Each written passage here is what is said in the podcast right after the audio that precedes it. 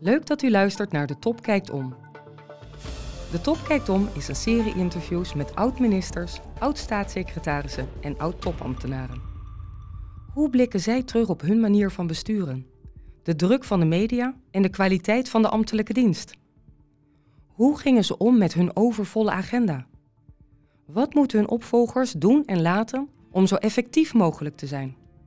In deze aflevering luistert u naar een interview met Marianne Sint, secretaris-generaal van het ministerie van Volkshuisvesting, Ruimtelijke Ordening en Milieubeheer in de periode 2000-2006. Het interview wordt afgenomen door Paul het Hart en Erik-Jan van Dorp. Opgenomen in september 2019. Kunnen we dan misschien beginnen Ja. bij het begin? Laten we dat doen. U heeft eh, economie gestudeerd Ja. en daarna ging u werken bij de Rijksoverheid. Ja, nou, ik Ministerie Economische werkte... Zaken. Klopt. Waarom bij de Rijksoverheid? Nou, dat moet je ook wel in de context van de tijd zien. Hè? Het was, eh, ehm, zeg maar, ik ben afgestudeerd in 1973 en dat was een periode, eh, de verbeelding was aan de macht. eh, eh, eh, het kabinet De Uyl was er nog niet, maar eh, dat hing allemaal in de lucht. En de oriëntatie was eigenlijk vrij gebruikelijk dat je eh, keek naar de publieke sector. De private sector die was nou, toch onder studenten, zoals ik ook was, eh, lag wat minder voor de hand. Bovendien had ik een achtergrond van macro-economie, eh, openbaar financiën. eh, dus ik had een nogal, zeg maar, macro-gericht pakket. Dus ook vanuit die optiek was het logischer dat ik in eerste instantie keek naar de Rijksoverheid. Bovendien vroeg de Rijksoverheid toen met verzameladvertenties: de Rijksoverheid vraagt nieuwe mensen. Dus ik heb Hmm. ook op zo'n eigenlijk open inschrijvingsdag heb ik, ben ik geweest. En daar presenteerden verschillende departementen zich. En ik herinner me nog dat het ministerie van Financiën eh, bij de inspectie Rijksfinanciën vacatures had. En dat ik daar ook wel in geïnteresseerd was. En toen zei degene die achter de tafel zat, 1974, begin 74. Nou, daar moet je wel goed over nadenken, want ik weet niet of de inspectie Rijksfinanciën wel iets voor een vrouw is. Hm. Het is namelijk nogal hard en streng. En ja, dan ben je 24 en dan denk je, oh, nou ja, dan ga ik maar even naar een ander departement kijken. en toen waren er twee ministeries die lieten weten dat ze mij wel wilden hebben. Het ministerie van Onderwijs, eh, Cultuur was het toen geloof ik. Oh nee, dat zat er toen nog niet bij. Onderwijs en Wetenschap. En het ministerie van Economische Zaken. En EZ was gewoon veel sneller en veel slagvaardiger. Uh, en uh, die, uh, ik weet dat 14 dagen nadat ik daar op gesprek was geweest, ik al een uitnodiging in de bus had om bij de directie regionaal economische politiek te solliciteren. En daar hadden ze twee vacatures, er waren vijf kandidaten. Mhm. En ik ben één van de twee die toen is aangenomen. En ja, toen was onderwijs en wetenschappen, die moest nog zelfs bedenken of ze wel een gesprek met mij wilden organiseren en met wie. Dus zo ben ik bij EZ terechtgekomen. Uh, en eigenlijk vrij snel in een clubje mensen die uh, uiteraard als helemaal onder in de hiërarchie, als um, uh, degene die de perspectievennota Zuid-Limburg moest voorbereiden. Mm. In 1975, ik kwam bij EZ in 1974, in 1975 zouden uh, ik geloof de mijnsluiting was al aangekondigd, maar dat zou, zouden de eerste sluitingen een feit zijn. En er moest dus eigenlijk vervangende werkgelegenheid voor Limburg worden georganiseerd. En in een project gezamenlijk van het Rijk Economische Zaken en de provincie Limburg moest daar een perspectievennota, oftewel moest perspectief worden geschetst hoe die bedrijfstak, 45.000 mensen werkten daar, als die stopte, hoe dat dan zou worden ondervangen. En zo kwam ik eigenlijk vrij snel terecht uh, in een setting waarin ik weliswaar degene was die de notulen schreef en die de vergaderstukken voorbereidde en zorgde dat, uh, dat het allemaal aan elkaar geknoopt werd, maar waarbij dus de directeur van de directie aan tafel zat, de heer Dirker, dus de, uh, de DG, de heer Miedema, latere SG. Uh, en natuurlijk ook het afdelingshoofd en ik als degene die de noodhoeden nam. En ik ben toen ook uh, een keer uh, naar Limburg geweest in een bestuurlijke setting waarbij ook Lubbers, de minister, aan tafel zat. Dus achteraf kwam ik eigenlijk terecht in een voor een jonge ambtenaar hele spannende, maar ook hele ongebruikelijke setting. Want normaal als je als referendaris tweede klasse, zoals dat toen heette, begint, zie je de minister natuurlijk nooit en de DG nooit en de directeur wellicht eens in de vier maanden of zo. Maar bij mij hoorde dat tot mijn werkpakket. Wat, wat was uw indruk toen de tijd? Van... Nou, ik vond het fantastisch spannend en, en ook discussies in de Kamer die je dan op de publieke of op de ambtenaartribune, sorry, op de ambtenaartribune bijwoonde, waar ik ook weer de rol had van gewoon zorgen dat de antwoorden op vragen netjes bij elkaar werden gebracht op het moment dat de minister ze nodig hadden. Dus het was allemaal niet heel inhoudelijk ingewikkeld wat ik deed, maar het zat natuurlijk wel vlak tegen uh, de politieke en ambtelijke top aan. En dat was heel spannend. En dat, waarom vertel ik dit nou? Omdat ik uh, daarna, na drie jaar, um, uh, zeg maar, ging, ging, je dan, of kreeg je de mogelijkheid om naar een ander departement te gaan. En toen kwam ik terecht bij wat toen nog heette cultuur, recreatie en maatschappelijk werk. en toen realiseerde ik me dat het soortelijk gewicht van een ambtenaar samenhangt met het soortelijk gewicht van het departement. Hmm. En het departement van Economische Zaken in die tijd had een veel hoger soortelijk gewicht Hmm. dan het departement van CRM. En hoewel ik dezelfde persoon was, wa- duikelde mijn status Aanzien. en aanzien eh, in gewoon eh, het ambtelijk apparaat. En bovendien, eh, Wat dat was. bepaalde toen dat soortelijk gewicht van die departement? Waarom was CRM een zwakke broeder? Nou, ik denk dat CRM in feite, eh, CRM hield zich bezig met onder andere de culturele en maatschappelijke component van het groeikernenbeleid, maar was daar niet het leidende departement in. Eh, en ik denk ook dat eh, EZ had in die tijd geld, heel veel geld, om eh, regionale ontwikkeling te stimuleren. Grote budgetten. Ook, ook het, de infrastructuur die EZ aanlegde om bijvoorbeeld Delfzijl als haven te ontsluiten of rondom Groningen een weg te laten aanleggen. Dat budget voor, alleen al voor regionale infrastructuur was net zo groot als het rijkswegenbudget van eh, Rijkswaterstaat. Mm. Dus dat geeft iets aan wat het soortelijk gewicht was. In die portefeuille werd toen natuurlijk, hè, dat, dat, laten we zeggen, we hadden eh, de jaren 50 en 60 eh, achter de rug en de wederopbouw. Dus industriepolitiek, waar EZ ook verantwoordelijk voor was, was nog een heel, Ja. heel zwaar. En CRM kwam eigenlijk in die tijd net op. Dat was als Mm. het ware de sociale component van dat meer, eh, laat ik maar zeggen, harde. Dus niet zozeer eh, hard in de zin van. eh, maar laten we zeggen van dat meer op structuurversterking gerichte Hmm. beleid, Infrastructuur, infrastructuur, ordening, ordening, banen. Ja.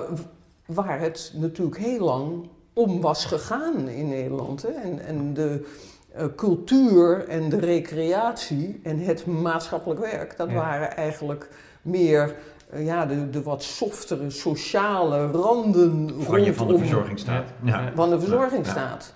En dat werd later, in de jaren 70, eind in de periode van de NL, werd dat wel weer belangrijker. Dus eh, in die golf ben ik misschien naïef wel overgestapt naar CRM. Maar ik weet dat ik eigenlijk binnen een jaar in de gaten had dat ik te veel econoom was, te veel zakelijk, Hmm. eh, om, dat, om dat goed te vinden. Dus misschien ook om daar ook nog even iets meer kleuring aan te geven. Ik kom uit een gezin waarin ik in de hele familie zelfs, dus niet alleen in het gezin, maar ook de hele familie de eerste was die naar de universiteit ging. En ik heb ook gedurende mijn eh, hele studietijd erbij gewerkt als typiste. Hmm. Ik had namelijk een schroeversdiploma, Hm. dus het- daar heb ik nog veel lol van. Ik kan nog steeds heel snel tikken en blind. Maar eh, ik, ik, ik was dus eigenlijk redelijk self-made.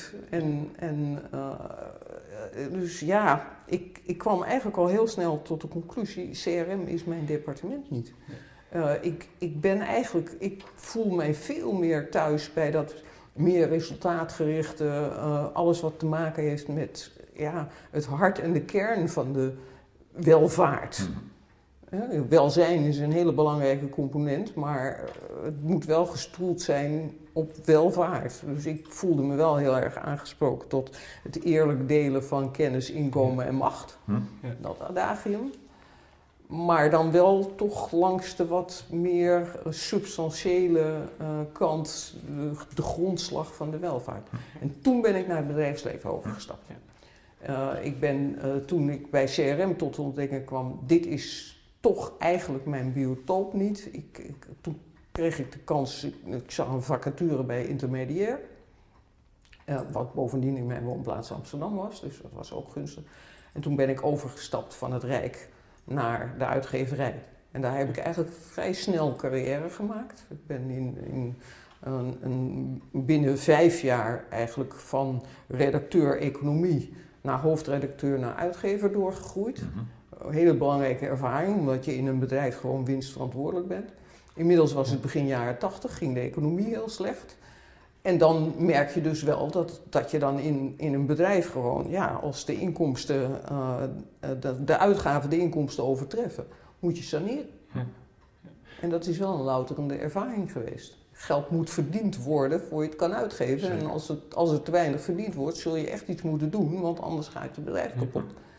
Dus. Ja, en dat lijkt me ook een, een vormende ontwikkeling in, in, de rest van de ja. lopen. Misschien nog één stap terug. Um, gaf van bij economische zaken zat u eigenlijk al heel snel met de DG aan tafel. Hè, in een andere rol, maar, maar toch... U... Maar toch, ik, kon het, ik kon de macht, de politieke macht zien werken. Wat in, in, die tijd, kunt u dat nog terughalen? Wat was toen uh, uw beeld van ambtelijke top? Had u een beeld van wat zij deden of hoe zij... Uh... Nou, wat ik, ik was wel onder de indruk van de manier waarop bijvoorbeeld uh, Miedema, Miedema zich uh, in zo'n setting, zeg maar, hoe hij daarin opereerde, hoe, hoe hij ook probeerde en, en later zeker met Lubbers aan tafel om uh, de belangen van Limburg en de belangen van het Rijk uh, met elkaar in, in harmonie en parallel te brengen. Dus dat zag ik wel. Mm. Maar ik was ook nog wel heel erg bleu in die tijd. Uh, ik er is nog ergens een foto van, ik kan, kan hem niet meer terugvinden, maar een foto van Lubbers Miedema, Dirker en daarnaast ik als degene die de notulen maakte. En ik had toen wat langer haar en mijn pony hing echt in mijn ogen. En ik keek alleen maar naar de tafel. ik durfde, terwijl die mannen natuurlijk gewoon regelrecht in de camera keek. Dat, eh, dus, je, maar je leert wel in zo'n setting, want je ziet dus wel dingen. En Miedema is een... Uh, hele, ik weet eigenlijk niet eens of hij nog wel leeft, maar dat was een hele ook humane DG die bijvoorbeeld als je iets had gedaan, ik ging elke veertien dagen naar het gouvernement in Limburg om samen met de ambtenaren daar te schrijven aan stukken die uiteindelijk die perspectievennota moesten worden. En hij schreef dan met zijn pennetje complimenten voor juffrouw Sint. Dit is een hele heldere notitie ongelooflijk belangrijk als je jonge, talentvolle mensen een kans wil geven. Tuurlijk, tuurlijk. Ik bedoel, dat is een voorbeeld wat ik heb opgeslagen en in mijn latere loopbaan heel vaak ook zelf heb gedaan. Ik zeg altijd maar, als je eh, ergens aan de top van een organisatie zit, heb je een la met koekjes. En het is heel belangrijk om af en toe een koekje uit te delen aan mensen die dat verdiend hebben. En die zeggen, dit was echt top. Hartstikke mooi. Compliment. Dat doe ik nog steeds. Hm. Ook nu nog. Dus dat, dat zijn. Uh, nou ja, en bij CRM zat ik gewoon weer ergens op de werkvloer, waar ik natuurlijk bij EZ ook zat. Maar dan zonder. Je zag die top niet?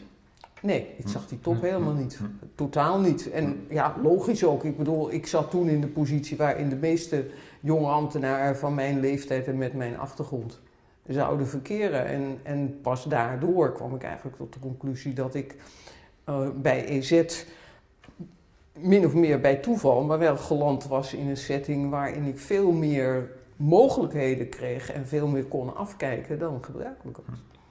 En dat, had ik, dat vond ik wel weer terug bij VNU. Waar ze dus wel snel in de gaten kregen van hé, hey, zij kan wat. En me ook snel gewoon in het diepe gooide, hmm. optilde en in het diepe gooide. Ja. En dat was wel een hele belangrijke ervaring. Maar, want waarom ben ik nou uiteindelijk toch weer... Het grootste deel van mijn loopbaan is toch in de publieke sector. Ik miste die kant wel heel erg. En ik was al in mijn studietijd lid van de Partij van de Arbeid geworden. En om als het ware dat politiek bestuurlijke, wat er niets was natuurlijk bij in het bedrijfsleven, om daar toch, uh, zeg maar, uh, om daar toch iets mee te doen, ben ik heel actief in de partij geworden. Hmm. Dus ik ben naar afdelingsvergaderingen gegaan. En ik heb toen. Voelde je je in, in een rol binnen het bedrijfsleven vrijer om dat ook te doen dan uh, in je ambtelijke. Ja, ja. ja er was ook geen. Wat waren, de waren daar mores omheen over wat je. Nee, dat was toen nog niet. Dat is pas veel later gekomen. Hm. Echt ook, uh, zeg maar. Uh, dat, dat was er niet. Nou had ik niet zo'n positie dat het in het bedrijfsleven belangrijk zou zijn geweest om mij om te kopen. Absoluut niet. Maar uh, ik weet zelfs nog wel dat uh, de toenmalige topman Joep, Joep Brentjes van VNU, ja, die heeft gewoon gehandeld met voorkennis. En dat was toen helemaal geen issue. Hm. Dat komt toen nog gewoon. Hm. Als je dat wist, nou, als je handig was en je wist van tevoren dat er een bepaalde fusie zou of overname zou aankomen, nou, dan maakte je daar gebruik van. Niet dat ik dat deed, want hm. ik had natuurlijk helemaal geen aandelen of wat ook. Maar gewoon even om aan te geven dat de Mores, die Mores waren echt totaal anders in die tijd. Dat is allemaal pas veel later gekomen. Dat, dat er eigenlijk ook werd nagedacht over integriteit en hoe dat, uh, hoe dat werd. Maar ik, ben, ik werd dus actief in de Partij van de Arbeid. Nou, dat vond ik eigenlijk erg ingewikkeld en niet zo inspirerend. Maar ik, wat mij wel opviel was dat over economie, dat dat eigenlijk alleen maar mannen waren die daarover spraken. En toen dacht ik, weet je wat ik ga doen? Ik ga een cursus economie voor vrouwen opzetten binnen de partij. En dat heb ik ook gedaan. En ik dacht, nou, ik ga gewoon vier zaterdagochtenden ga ik uh, aan een klein clubje vrouwen, want het zullen er vast niet zoveel zijn, ga ik vertellen wat, hoe een beetje de economische cyclus in elkaar zit en hoe dat nou een beetje werkt. Want ik heb tenslotte die achtergrond. Ik heb ook macro-economie gedaan en openbare financiën, dus ik ga dat gewoon uitleggen. En omdat ik bij VNU zat, kon ik tegen inkoopprijs de kern van de economie van Heertje als studieboek ja. kopen. Dus dat deed ik. En ik dacht, nou, dat zet ik op via. Het was een of ander clubje in, in de PvdA die dat uh, regelde. Een vormingsclubje. En ik dacht, nou, ik zal blij zijn als er tien dames op afkomen. Toen schreven het, voor die cursus schreven er zich honderd in. Zo. Dus ik had wel iets aangeboord. Ja waar behoefte aan was. En nou, dat kon ik natuurlijk in mijn eentje niet uh, mannen. Dus ik heb toen een vriendin opgezocht die ook lid van de Partij van de Arbeid was en ook econoom. En toen hebben wij uh, samen hebben we in, in groepen van 15 hebben we die 100 vrouwen die cursus gegeven. En daarmee speelde ik mij op een geweldige manier politiek in de kijker. Hmm. Dat was helemaal de achtergrond niet. Maar eigenlijk was ik daardoor, werd ik al heel snel gevraagd mee te schrijven aan het verkiezingsprogramma. En kwam ik dus bij Joop ten Oude aan tafel. Ja. Nou ja. Dus eigenlijk Andere kant van de stad, buiten Velden. Buiten Velden. Dus eigenlijk ben ik op die manier ben ik in, uh, in de politiek gerold. Hm. En eerst aanvankelijk gewoon na, naast uh, het werk wat ik voor VNU deed. En allengs uh, ging ik me ook meer met dingen bezighouden zoals sociale zekerheid en hoe uh, de Partij van de Arbeid daarin moest staan. En dus ging ik spreekbeurt in het land doen en werd ik dus en, en op uh, partijraden en congressen spreken en moties indienen. En ja, werd ik op die manier compenseerde ik als het ware die wat zeg maar meer op resultaat en cijfers gerichte aanpak als uitgever met het politiek-maatschappelijke. En het was een opwindende tijd natuurlijk, ook om politiek actief te worden. Dus uh, ja, dat was gewoon heel erg leuk. U wordt relatief snel lid van het partijbestuur. Ja, ja, ja ook. En uh, nou ja, doordat ik uh, lid van het partijbestuur werd, en toen ging Max van den Berg, die ging als partijvoorzitter weg. En toen waren er natuurlijk een aantal mensen die op het idee kwamen dat ik wellicht daarvan zou inzet, eh, voor in zou zijn. En mijn tegenkandidaat was Jan Pronk, maar die wilde wel partijvoorzitter zijn, maar tevens lid van de Tweede Kamer blijven. En dat kon niet. Dat kon niet statutair, maar de partij wilde dat ook niet. Dus toen heeft Jan zich teruggetrokken en toen ben ik eigenlijk partijvoorzitter geworden. Ja. 87 tot 91. Ja. En als, je, als ik daarop terugkijk, dat is niet mijn meest florissante periode geweest. Dus dat is ook wel heel louterend. Het was een eh, hele moeilijke periode voor de PvdA. Het was een hele moeilijke periode voor de Partij van de Arbeid. En uh, kijk, politiek is een hard vak. Dus als op een gegeven moment de partij in het ongereden raakt, ze zouden er nu voor tekenen hoor. Maar toen hadden ze, ze begonnen met 30% van de stemmen. Toen werd het bij uh, de gemeenteraad, zakte de partij naar landelijk gezien 25%. En vervolgens bij de provinciale verkiezingen naar 20%. Ja, en dan is het toch ook wel heel prettig als er ergens iemand kan worden aangewezen die daar de schuld van is. Zeker. Zoals Elko Brinkman dat ook is overkomen. En, nou. en ik heb toen, en dat was wel heel belangrijk, ik heb uiteindelijk... De blame ging toen nog niet naar, ging niet naar Kok. nee, nee, maar ja, dat begrijp je ook, kan je ook wel begrijpen dat dat, eh, en je had ook kunnen zeggen, nou, wie kon nou die WHO-hervormingen tegenhouden? Dat was natuurlijk de fractie, ja. niet het partijbestuur. Maar oké, zo lopen dingen. En ik heb toen wel uh, voor mijzelf de afweging gemaakt, uh, laat ik het erop aankomen dat het congres mij wegstemt of treed ik zelf af? En het is voor mijzelf en voor mijn gevoel voor eigenwaarde heel belangrijk geweest dat ik die beslissing zelf hm. heb genomen. Hm. en dat ik dus zelf ben afgetreden. Toen stond ik op een tweesprong. Ga ik terug naar het bedrijfsleven? Ga ik toch weer zoek ik een loopbaan in de publieke sector? Ik kon bij een reclamebureau gaan werken. Uh, dat vond ik ook wel, heb ik altijd interessant gevonden. Onze oudste zoon die werkt nu in de reclame, dus kan mm nog steeds altijd leuk met hem daar spelen. Maar dat even terzijde. Maar toen heb ik toch heel bewust gekozen voor terug naar de publieke sector. Want ik wist uit ervaring ook van mijn periode bij VNU dat ik eigenlijk dat, hoewel het gewoon minder goed betaalt, maar dat dat voor mij niet de belangrijke drijfveer is. Dat ik het, het relevant vind, spannend vind, uh, dat je toegevoegde waarde daar groter is in maatschappelijke zin. Dus ik heb een hele bewuste keus gemaakt om toen, en nou, er was een vacature, directeur interbestuurlijke betrekkingen en informatievoorziening bij Binnenlandse Zaken. En daarbij heb ik op gesolliciteerd en dat ben ik uiteindelijk geworden. Ja. Ik zal altijd Josias van Aartsen dankbaar blijven voor het feit dat hij het heeft aangedurfd om iemand met een zo hoog politiek profiel op dat moment ja. toch. Was dat onderdeel van de gesprekken bij de, in de vacature? Ja, ja. Hoe, ging dat? Nou ja, daar werd natuurlijk gewoon naar gevraagd. In hoever, en ik ben ook open geweest over zowel mijn drijfveren om te kiezen voor de publieke sector, als over het feit dat ik natuurlijk niet kon verhelen dat ik inmiddels uh, naams- en gezichtsbekend was geworden. En dat ik dus heel goed besefte dat dat, uh, uh, laten we zeggen, dat, dat, dat, dat een rol zou gaan spelen in de uiteindelijke keus voor een kandidaat. En ik, eh, en het was natuurlijk wat ook lastig was. Indales was toen minister. Dus het, het werd ook al heel snel gezien als uh, ja, het politiek patronage. Ja, moet, uh, politiek patronage. Ja, en dat zal ongetwijfeld mede een rol hebben gespeeld, hoewel mijn tegenkandidaat, heb ik later uh, ontdekt, ook een hooggeprofileerde mm. PvdA, maar in dit geval wethouder was. Dus mm het is maar de vraag of je dat uiteindelijk kon zeggen. Maar goed, je weet dan natuurlijk ook dat zoiets speelt in de eerste maanden een rol. Maar daarna gaat het natuurlijk gewoon spelen.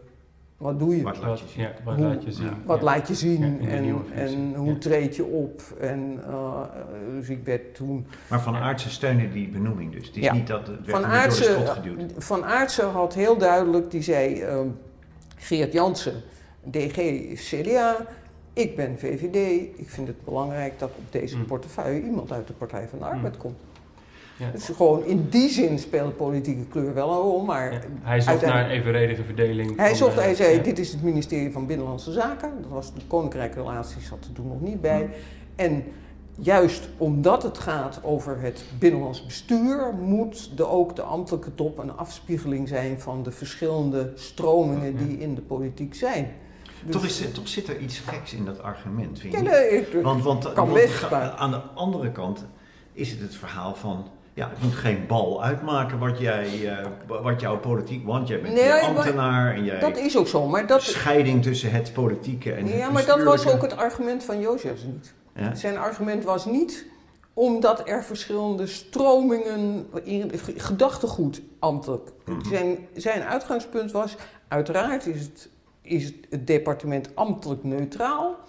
Maar juist omdat het Binnenlandse Zaken is, ja, ik bedoel, geef het voor wat het mhm. waard is. Mhm. Maar juist omdat het Binnenlandse Zaken is, juist omdat het over het openbaar bestuur gaat, is het belangrijk dat je laat zien dat alle verschillende achtergronden, dus ook de, de, de, nou ja, de ChristenUnie bestond toen nog niet, mhm. maar laten we zeggen GPV, SGP, wat er toen was, maar dat, dat je echt bewust zoekt naar een zekere balans in achtergronden om, hmm. om dat je die ook aantreft in het openbaar hmm. bestuur. Dat was zijn redenering hmm. en daarom denk ik ook dat uh, ook mijn tegenkandidaat diezelfde politieke kleur had. Maar dat wist ik natuurlijk op dat moment niet. Nee. Dat, dat, kon ik ook niet weten.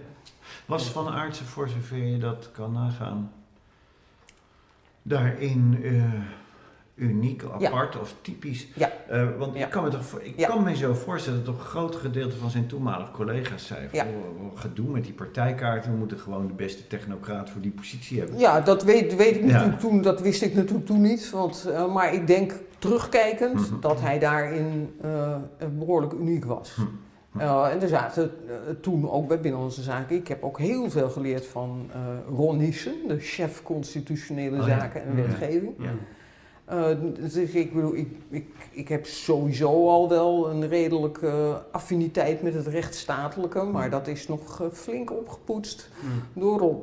En dat was ook gewoon onderdeel van, van zeg maar, je hele introductie bij Binnenlandse Zaken. Dat je ook, ook echt over, na, dat je ook als ambtenaar na kon denken over de positie van de grondwet, over de rechtsstatelijke aspecten, over de integriteit van het openbaar bestuur.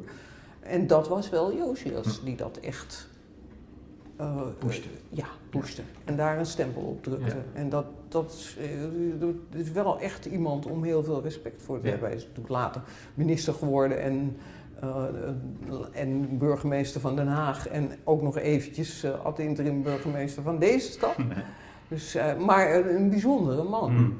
En wat hij ook wel heel, uh, wat, ik, wat ik ook wel bij hem heb gezien en ook van hem heb afgekeken, hij gaf ook heel veel ruimte aan mensen, mits je maar op de hoogte hield. Hmm. Ik zal nooit vergeten dat wij in de kamer, bij een kamerbehandeling, Indalis, die stond achter het spreekgestoel en wij zaten met een rijtje ambtenaren, waaronder de SG Josias dus op de ambtenarentribune en iemand die, uh, uh, die schreef een korte notitie en die stuurde die rechtstreeks naar de minister. En Jozef stond op en die zei, boog zich voorover en die zei, zeg vriend, ik heb dit niet gezien. Wil je dat eventjes terug laten halen? Want ik wil even weten wat je zegt. En maar gewoon zonder boosheid of wat, maar geen misverstand over. Hm. Als het politiek belangrijk is, dan kijkt de SG even mee. Hm. Nou, dat was een, is ergens in mijn achterhoofd wel opgeslagen en daar heb ik ook wel gebruik van gemaakt. Ja. Je, je, krijgt heel veel ruimte.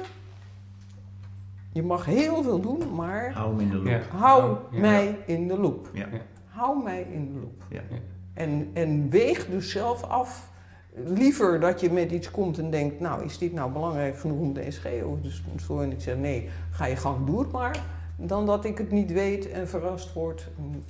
Dus dat, en dat zijn dingen die, ja, die, die zie je dan van iemand. Dat is wel belangrijk. Mag ik iets vragen? Sorry, even, misschien wat inhoudelijker. Ja. Ehm, waar, kijk, je ging naar IBI toen. Ja. En daar zat dus het woord, dat was volgens mij een van de, misschien wel de allereerste keer dat het woord informatisering zijn weg vond in de naam van een directie van de Rijksoverheid. Ja. Ehm, en uh, dat, dat, dat, ja, dat moet, in zekere zin was het een soort RD-achtig werk, want je was bezig een fenomeen een bestuurlijk een plek te geven, dat nog maar net technologisch. Wat, wat, speelde daar nou? Oh ja, dat, kan, ik, dat kan ik nog wel vertellen. Dat, is, dat is eigenlijk heel erg leuk om te vertellen. Misschien even één klein stukje terug hm. bij VNU. Uh, ik heb altijd een hang naar technologie gehad. Hm. Ik, ben, ik heb in 1986 mijn eerste computer aangeschaft met van die floppy disk drives en zo. En ik, ik, ik was natuurlijk typiste, maar ik, zodra het kon ben ik overgestapt op computers. Dat vind ik leuk. Dus ik vond het ook een interessant terrein. En wat was nou de discussie bij Binnenlandse Zaken en bij IBI? Nederland had een eigen OSI-standaard ontwikkeld. Vraag me niet precies wat het is, maar ik wist zelf en ook van mijn jongste zus, die in de informatica zat, dat JavaScript eigenlijk waarschijnlijk de internationale standaard zou worden. En dat het dus redelijk, uh, nou laat ik zeggen, bijzonder was als Binnenlandse Zaken voor het Rijk een hele eigen standaard ging pushen. En ik weet dat ik toen de parallel heb getrokken tussen eh, VHS, het, het videosysteem wat internationaal was en het eigen systeem van Philips. V2000.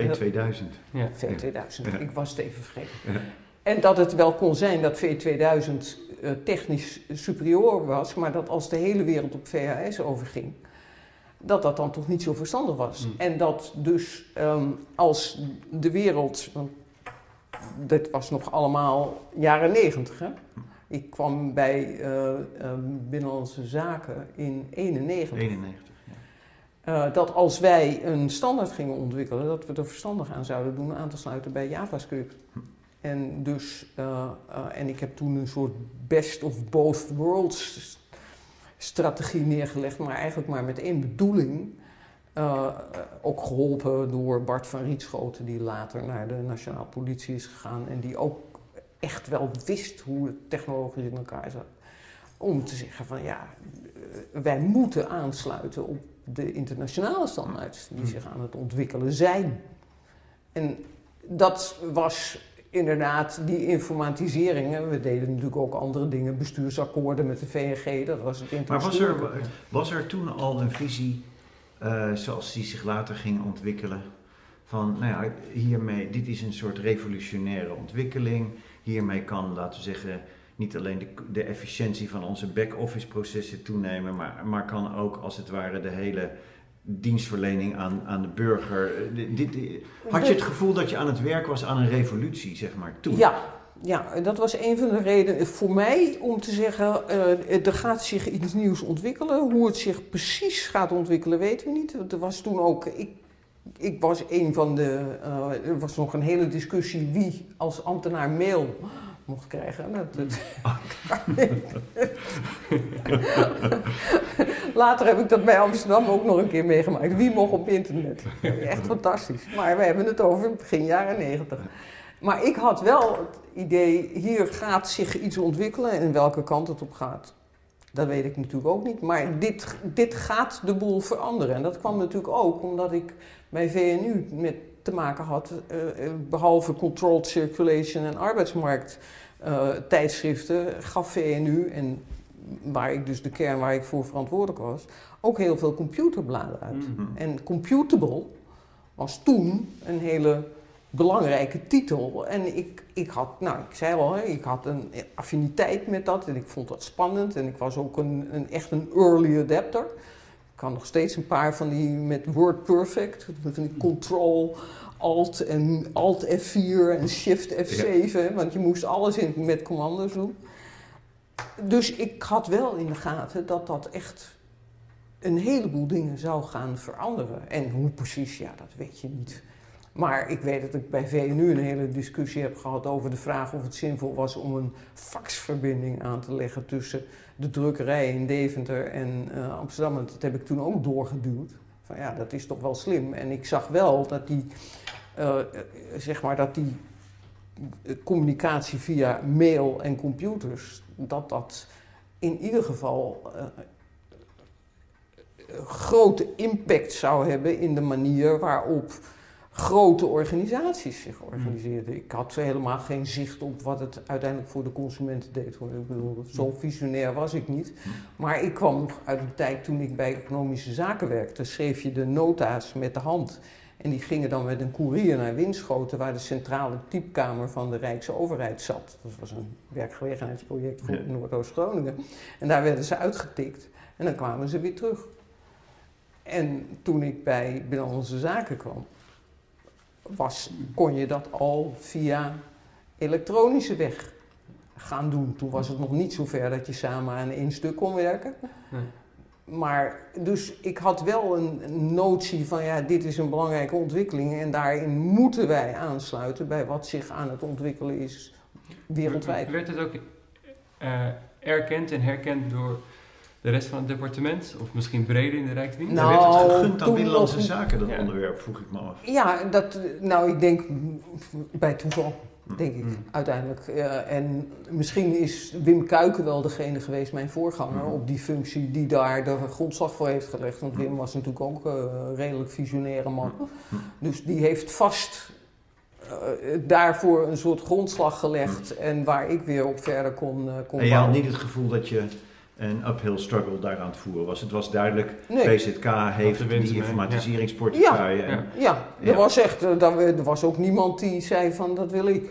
Hm. Dat, terwijl je nu zou zeggen, nou, uh, misschien economische zaken, communicatie, maar dat was helemaal niet. Het was, het was natuurlijk begonnen als een soort niche ergens in een, depart in een departement wat zich vooral met bestuurlijke relaties bezighield. En nou ja, eh, eh, als die relaties dan wat anders gefaciliteerd werden door de komst van elektronica, nou zo so be het, laat het daar dan maar doen. Het hm. was toen nog helemaal geen issue. Ja. Hm.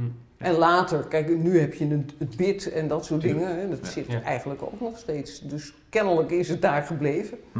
Hoewel het misschien niet helemaal logisch is. Je had het ook bij verkeer en waterstaat kunnen leggen. Ja, infrastructuur. Ja. En daar ligt het natuurlijk ook voor een deel nu. Maar dat, het, dat was dus wel een, een, een issue in hm. mijn tijd. Naast de meer traditionele dingen. Ik heb me heel erg bezig gehouden met de steun aan Den Haag om te voorkomen dat de gemeente Den Haag in artikel 12 situatie mm. terecht kwam. Ik heb me bezig gehouden met het sluiten van een bestuursakkoord met de VNG.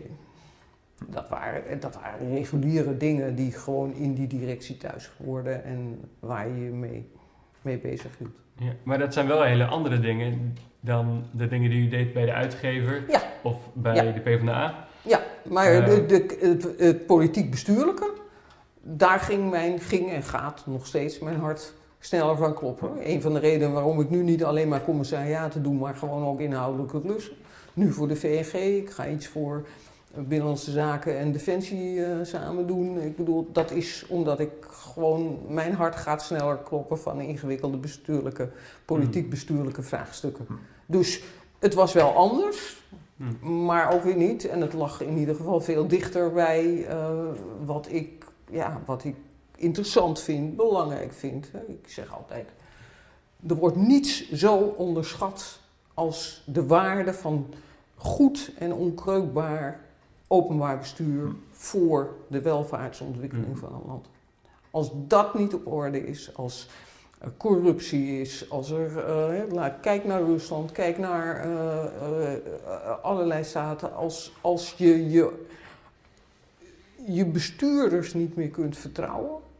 En onderliggend natuurlijk het democratisch stelsel waarop dat rust en de checks en balances die daarin zitten, dan gaat het uiteindelijk niet goed met een land. Ja.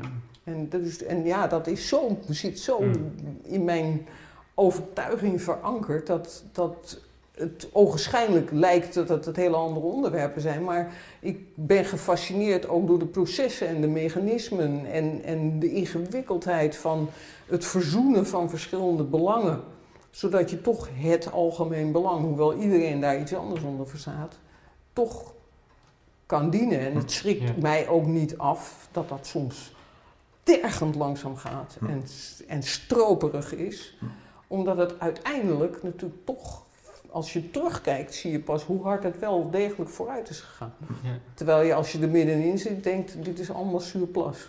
Ja. We, we, zitten nu ook, uh, zeg maar, 15 jaar na uh, uw begin bij de Rijksdienst. Ja. Uh, toen was het een vrouw in een mannenwereld. Ja. Dat, Hoe was dat toen bij? Uh, ook. Nog steeds? ja, toen wel. Nu is dat heel anders, maar ik, uh, ik ben pas toen ik secretaris-generaal werd, maar dat is al wel weer veel later, ben, was ik pas de tweede vrouw ja. voor uh, na Hellende Maat. Oh ja die uh, een vrouwelijke SG was. Ja. ja. En, en je was ook de eerste vrouwelijke gemeentesecretaris in Amsterdam. Ja, ja klopt. Überhaupt van een G4. Van een G4, precies. Nee, daarom. En ja, dat, dat, ik was natuurlijk ook door mijn economieachtergrond, door het werk in het bedrijfsleven, uh, door het feit dat ik altijd fulltime ben blijven werken, gewoon gewend geraakt aan in de mannenwereld opereren. Mm. Daar, daar, daar, ja, daar ontwikkel je zeker als je jonger bent en je seksen nog een grotere rol speelt dan wanneer de verpakking wat ouder wordt, dan ja, dat, daar heb je copingmechanismen voor, maar dat, die waren eigenlijk vooral gewoon zorgen dat je goed in, in je vak was. En uh, ja, ik heb daar nooit zo heel erg bij stilgestaan, maar het was natuurlijk gewoon een mannenwereld. Tegelijkertijd ben jij wel uh, ook heel erg gender-aware gebleven in de zin van uh, ja. nou, dat als thema van je leiderschap maken. Kan, je iets zeggen over welke ervaring in dat, welke lessen heb je geleerd in het uh, verder nou, brengen van die agenda? Nou, ik, ik heb eigenlijk ik ben op een gegeven moment, je, je komt op een bepaald punt in je loopbaan en ik denk dat dat het sterkst is geworden nadat ik uh, in, in de periode dat ik in Amsterdam zat als gemeentesecretaris en daarna als secretaris-generaal, dat je beseft dat je niet alleen een topambtenaar bent, maar dat je ook een rolmodel bent. Hmm. En dat je dus ook um, uh, de verantwoordelijkheid hebt om talentvolle vrouwen, jonge vrouwen te spotten. Ik heb ook in de tijd dat ik secretaris-generaal uh, werd, heb ik uh, uh, de, een bijeenkomst georganiseerd. het toptalent ontmoet rolmodel. Hmm. En dan de rolmodellen, dat waren allemaal mensen uit de top van de Rijksdienst. Dat konden ook mannen zijn, maar de toptalenten, dat waren allemaal vrouwen. Dus hmm. degenen die meededen aan die conferentie, die moesten van mij twee toptalenten, vrouwelijke toptalenten uit hun eigen organisatie meenemen. En daar deden we speed dating uh, gesprekken mee. En dan probeerde ik te zorgen dat uh, talentvolle jonge vrouwen uh, stage, stageplekken of ruilplekken kregen. Zodat meer mensen hun talenten zagen en ze daardoor sneller door de rangen heen kwamen. En toen ik in Amsterdam zat als gemeentesecretaris had ik het geluk dat Guusje ter Horst de portefeuille PNO had. En ik weet dat de uh, directeur, de gemeentelijk directeur PNO toen wegging en die had een plaatsvervanger, Dieneke ten Hoorn Boer. Mm en ja, dat was een, het college was een beetje van, nou ja, uh, kan dat wel? Nou, Guusje en ik vonden allebei dat dat kon. En zij is toen ook inderdaad directeur PNO geworden en dat hartstikke goed. En, maar dit even terzijde. En toen hebben wij eigenlijk gedrieën, want toen hadden we op drie van die sleutelposities. We vrouwen hebben we ons echt heel erg ingespannen om als er weer een vacature voor een, bij een diensttak ontstond in de top, om dan ook bewust naast mannelijke kandidaten ook op zoek naar vrouwelijke kandidaten te gaan. En als het enigszins mogelijk was, om daar ook vrouwen te benoemen. Was dat knokken of was het gewoon nou, dat was, soms, dat was wel knokken, maar als je zelf de hoogste positie hebt. Ik, ik, maak wel eens de grap dat ik niet voor niks altijd overal voorzitter wil zijn. Want dan heb je in zekere zin natuurlijk, hè, tenzij je het uit je handen laat vallen, maar dan heb je in zekere zin een doorslaggevende stem. Dus het is niet zo makkelijk voor andere mensen om te zeggen. kun je wat meer doen dan... Uh, dan kun je, de, de, kun je wel de stelling aan of het, of het wel klopt dat in het Amsterdam van toen de gemeentesecretaris de hoogste positie was. Ja, mhm. dat was ook wel zo. Hè? Mhm. Er is ooit nog eens in het Parool een, een artikel verschenen onder de kop De Macht van Sint. Mhm. Daar was ik niet zo heel blij mee, maar ik bedoel, omdat ik eigenlijk liever achter de schermen werk, omdat ik vind dat een topambtenaar heel veel invloed kan uitoefenen, maar niet voor de schermen. Want je, je bent, het gaat niet om jou, het gaat om het college van burgemeester en wethouders of de minister en de staatssecretaris in staat te stellen hun politieke agenda waar te maken. Mm. En als je je daar totaal niet mee kan verenigen, moet je weggaan. Mm. ik bedoel, dat kan.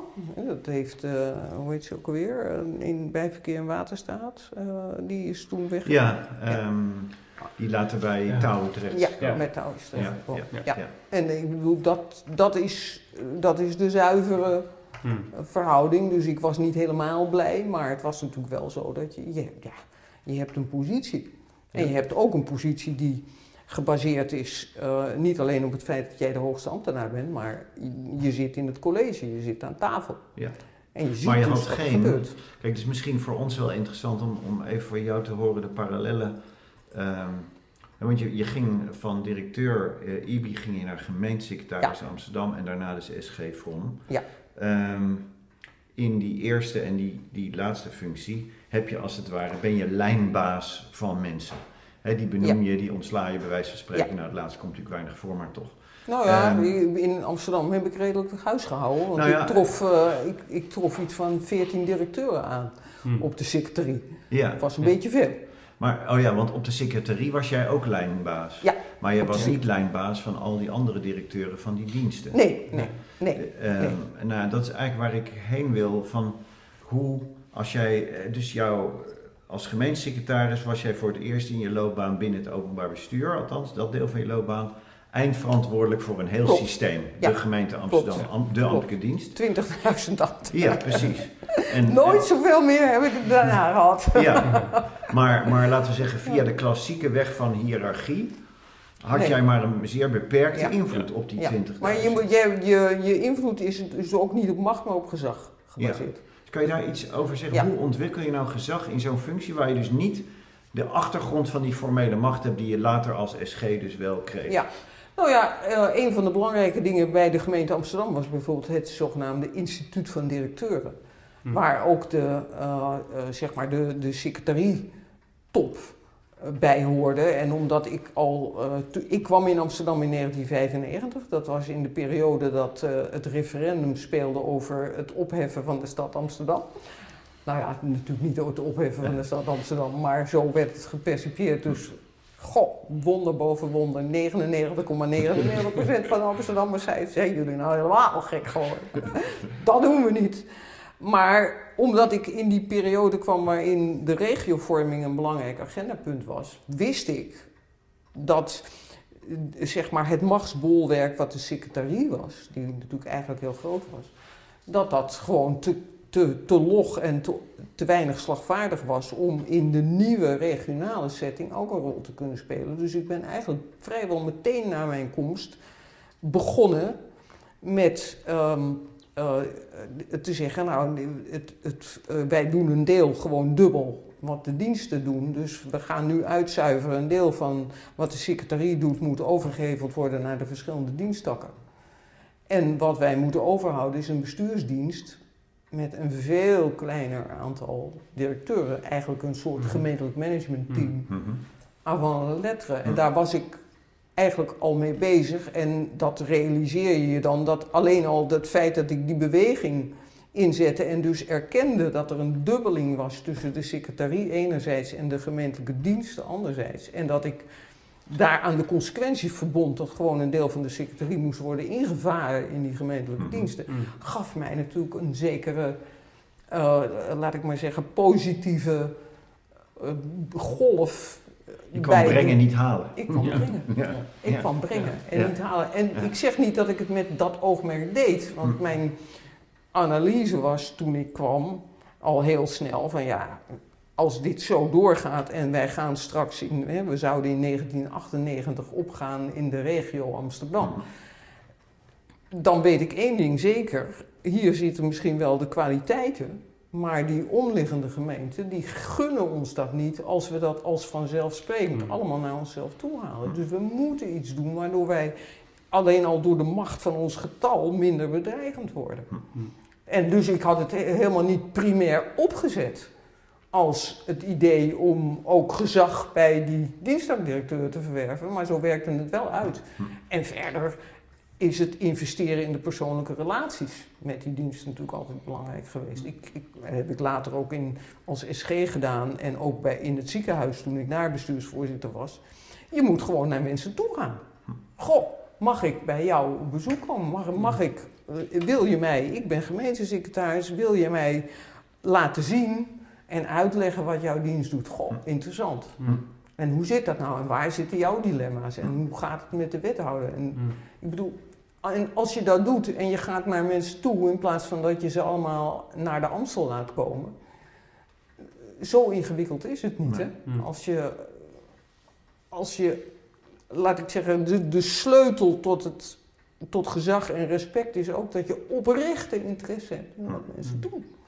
En ook uitgaat, waar ik ook van uitga, dat laten we zeggen, zo'n directeur van het projectmanagementbureau of van de dienst infrastructuur, verkeer en vervoer of van de dienst ruimtelijke ordening in principe het beste met de stad voor heeft. Mhm. Dus dat je, als, dat je daarop iemand primair aanspreekt mhm. en niet op de spanning die er bestaat tussen de secretarie als ondersteuning van het bestuur, later de bestuursdienst en de diensttakken. Mhm. Want je werkt allemaal aan hetzelfde, alleen je hebt verschillende rollen. En hmm. als je daar het gesprek en de Maar goed, uiteindelijk kan het ook gaan om geld. Over welke wethouder scoort, welke niet. En, tuurlijk. vertelt zich maar tuurlijk. En, en een van de dingen die ik bijvoorbeeld in Amsterdam deed eh, bij de bestuursdienst, was dat ik uh, altijd, hè, op dinsdag was het college, dinsdag en vrijdag. En op dinsdag was dan, daar werden, was echt het besluitvormend college, vrijdag was meer thematisch. Uh, en ik koppelde dan op woensdagochtend terug aan de directeur. En dat, dat deed ik zeer open. Maar met één hele harde randvoorwaarde, jongens. Als hier ooit iets van uitlekt, dan stop ik met het terugkoppelen uit het college. Dus ook nooit iets van uitgelekt. Hm. hm. Want dat, en, en soms kan je ook, kon je ook met, met enige humor uh, kon ik dan vertellen hoe tussen bepaalde wethouders uh, even een kleine uh, spanning ontstond. Of hoe iemand zijn zin had proberen te krijgen. En dat soort dingen. Dus ook een beetje de couleur lokaal. Waardoor je ook mensen, als het ware, in je eigen inner circle trekt. En dat zijn allemaal dingen die helpen om een positie die toch betrekkelijk diffuus is. Want ja, je bent wel de hoogste ambtenaar, maar wat je echt kan, dat hangt in grote mate af van wat mensen jou ook gunnen. Hm. Eh, daar zit, natuurlijk, je bent op het moment dat je die jas aantrekt, ben je met dat gezag bekleed. Ja. Maar je kan het ook heel makkelijk weer te grabbel gooien als je het uh, redelijk, laat ik maar zeggen, rechtlijnig en met weinig oog voor wat anderen aan belangen hebben doet. Hm. Hoe waren uh, want we hebben het net een beetje gehad over, al een klein beetje gehad, gaan we straks nog meer doen over politieke ambtelijke verhoudingen. uh, Amsterdam, uh, kan, je, kan je iets van een vergelijking maken tussen het Den Haag dat jij gewend was, uh, dus EZ, BZ, um, en Amsterdam als het ging om die, nou ja, die, dat, dat scharnieren, dat schakelen. Amsterdam stond u bekend als rood. Zowel in het bestuur als in die ambtelijke dienst. Die had geloof ik twee smaken, PvdA-diensten en CPN-diensten. In, de periode voorafgaand aan jouw eh, periode daar. Hoe, was, hoe verschillend was dat? Nou, wat het grootste verschil is natuurlijk ook in de functie. Uh, dat, dat ik in Amsterdam rechtstreeks daar zat waar de politieke besluitvorming plaatsvond. Ja. Uh, en wat je wel uh, uh, zag, was natuurlijk dat elke wethouder had gewoon zijn eigen diensten. Die overigens per collegeperiode weer op verschillende manieren konden worden gerangschikt. En dat opzicht was het een modern blokkensysteem, kun je mm-hmm. zeggen. Maar uh, er, er, waren natuurlijk gewoon heel veel reguliere overleggen. Duco Stadig, die uh, zag de, de dienst infrastructuur, verkeer en vervoer, de dienst ruimtelijke ordening en het projectmanagementbureau. En nou ja, ik bedoel, een heel mandje van dienstdagdirecteuren. Daar ging, bemoeide ik me niet tegenaan. Hm. Want ik zag daar wel de resultaten van hoe dat in het college liep.